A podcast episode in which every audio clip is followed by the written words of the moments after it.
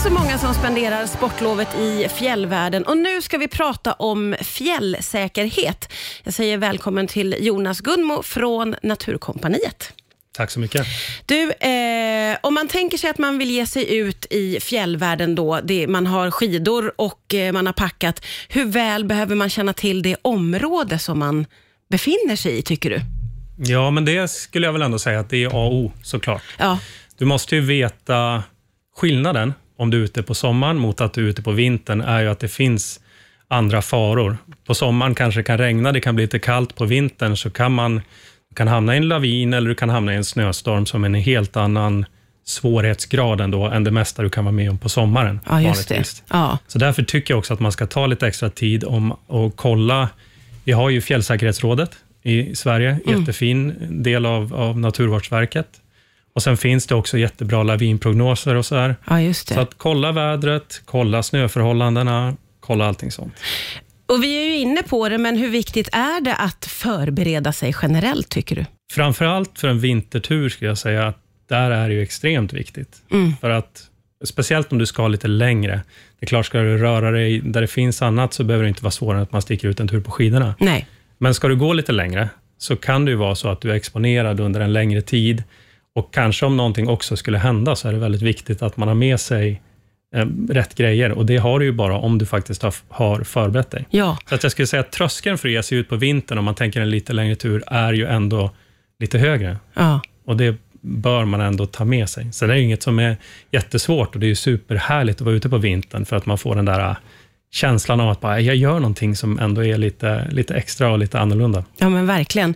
Men du, eh, låt oss beta av eh, den här listan på vad man bör ha med sig. Om vi börjar med eh, mat och dryck. Mm.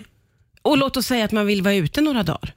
Ja, nu är jag, jag tillhör ju skolan som tycker att det ska vara fantastiskt att vara ute. Ja, Eh, Det ska vara... och det låter härligt. Ja, men eller hur? Ja. Det är ändå så. Sen kan man ju sticka ut. Vill man göra en tuff tur och man vill gå långt och så kan man ju verkligen göra det och det kan vara jättehärligt. Men jag tänker ändå att om man har en bra utrustning så kan man packa ner den, tar inte så mycket plats, inte så mycket och så fyller man på resten med mat Ja, och sånt som är gott och härligt. ja just det. Eh, Så att, säg att du ska vara ute, om du kanske ska tälta till exempel, då måste du vara lite mer försiktig med vad du plockar med dig, för då har du en massa grejer som väger mycket mer. Du har tält och sovsäck och så här, som kommer att ta upp mycket volym i packningen och det kommer att ta upp mycket vikt framför allt. Ja, just det. Eh, Så att då kanske man får vara lite mer restriktiv och då kan man ju ha frystorkat kanske. Man kan ha ölkorv i en sån bra grej om man, om man äter kött till exempel, eller choklad. Klassisk. Ja, Slita fram några det blir man alltid glad av. Ja, men eller hur? Ja, ja det funkar igen. Och sen är det bra att ha lite extra.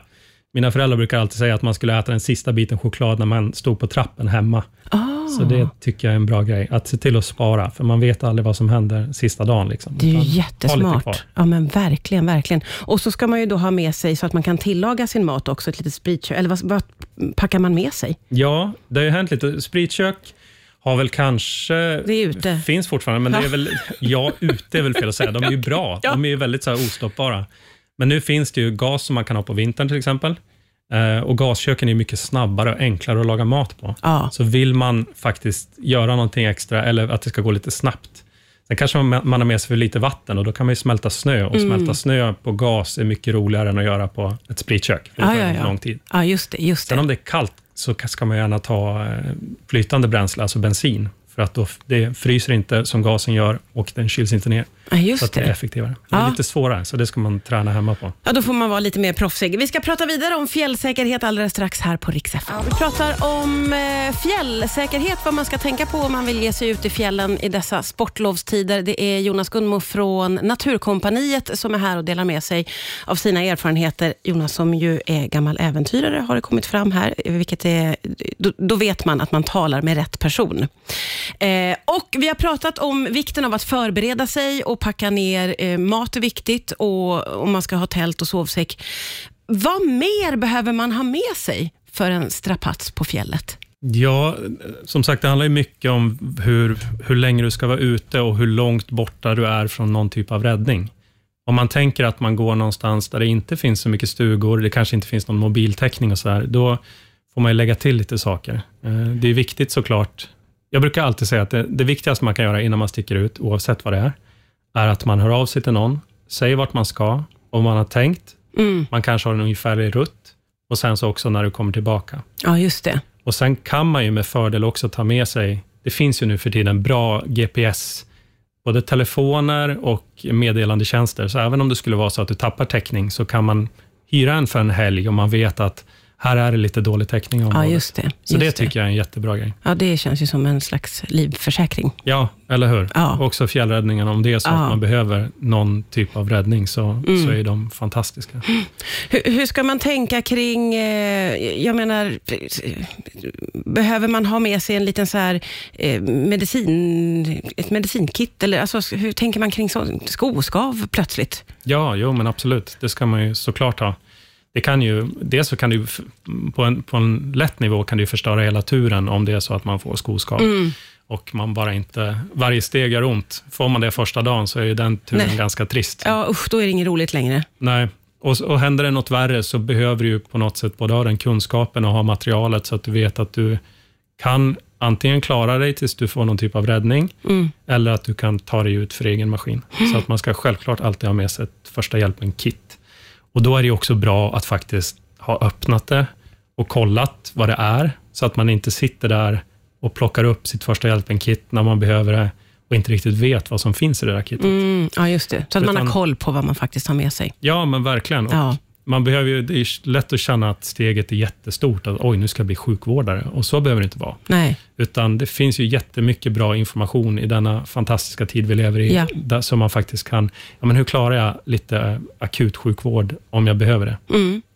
Eh, nu när vi pratar om skoskav så tänker jag att skor eh, eller pjäxor måste ju också vara jätteviktigt. Överhuvudtaget vad man har på sig. Jo, såklart. Det skulle jag säga att vintern är ju ändå, det är lite mer materialsport. Ja. Det gäller att tänka efter vad man har på sig. Eh, för att mycket handlar ju om att, att faktiskt hålla fukten borta. Och speciellt om du är ute efter en längre tid. Det är många som tänker att jag ska köpa en varm jacka och riktigt så funkar det inte. Det Nej. finns ju inga varma jackor, utan det finns jackor som, eller det finns, de som har el i sig. Men i övrigt så är det ju du själv som bidrar med värmen. Du är ju som ett hus. Och det du sätter på dig jackan, det är isoleringen.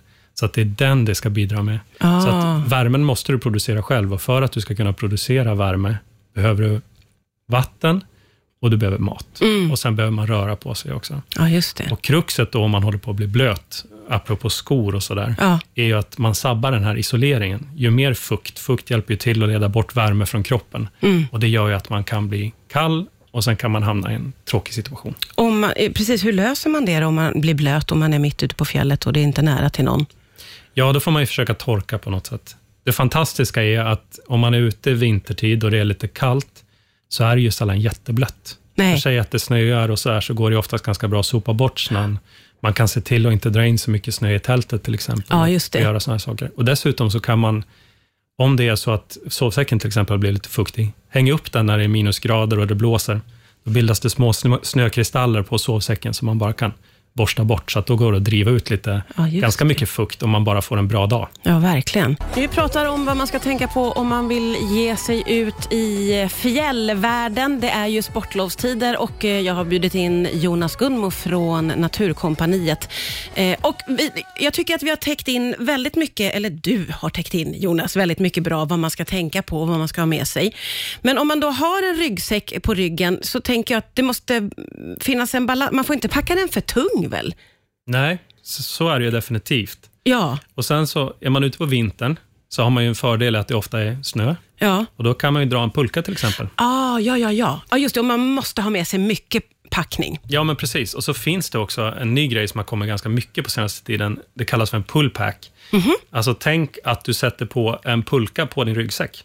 Och sen så kan du då antingen bära den på dig, om det är så att det är väldigt oländig terräng, Ja. eller så tar du ner den och drar den på snön, Jaha. eh, som en pulka. Ah, ja, ja. Och på så sätt slipper du gå runt och bära på den vikt du faktiskt har med dig. Så Ja, ja, det kan det- vara en bra grej. Det är precis om man verkligen måste ha mycket. Sen tänker jag att man kan göra en avvägning beroende på hur länge man ska vara Ja. ute och allt sånt såklart. Men, men om man vill ha med sig mycket så måste man ju kunna palla. Ja, men eller hur? Det Ja. där är väl alltid en avvägning av...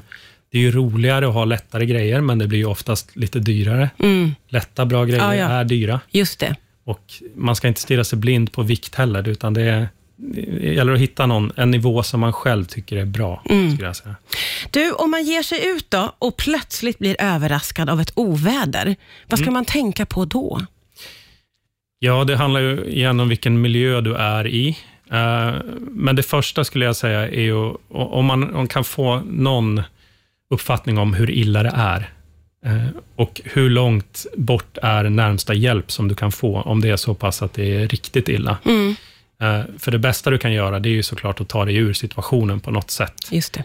Eh, Och sen så om det är riktigt illa så att du inte riktigt vet om du eh, kommer att klara dig eller att kanske att du går vilse om snön, om det är väldigt mycket snö, då gäller det att, att gräva ner sig och hoppas på bättre väder helt enkelt. Mm. Ja, och då precis. finns det en uppsjö som saker man ska tänka på.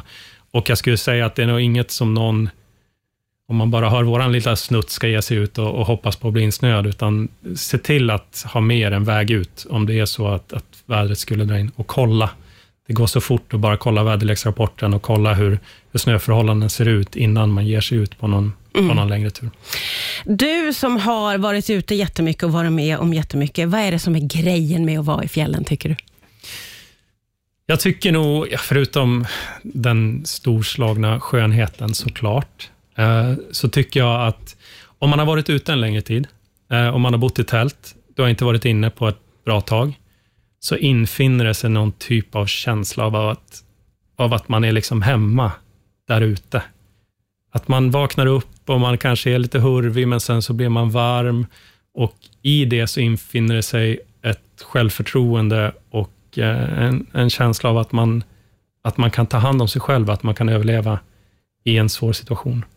Gud, vad, det där vill man ju verkligen uppleva. Ja, Ha- du får ha- hänga på. Ja, ja, precis. Det blir nästa stora äventyr. Eller hur? Jag ska uppleva den där känslan. Det är många som blir sugna på det när de hör dig prata.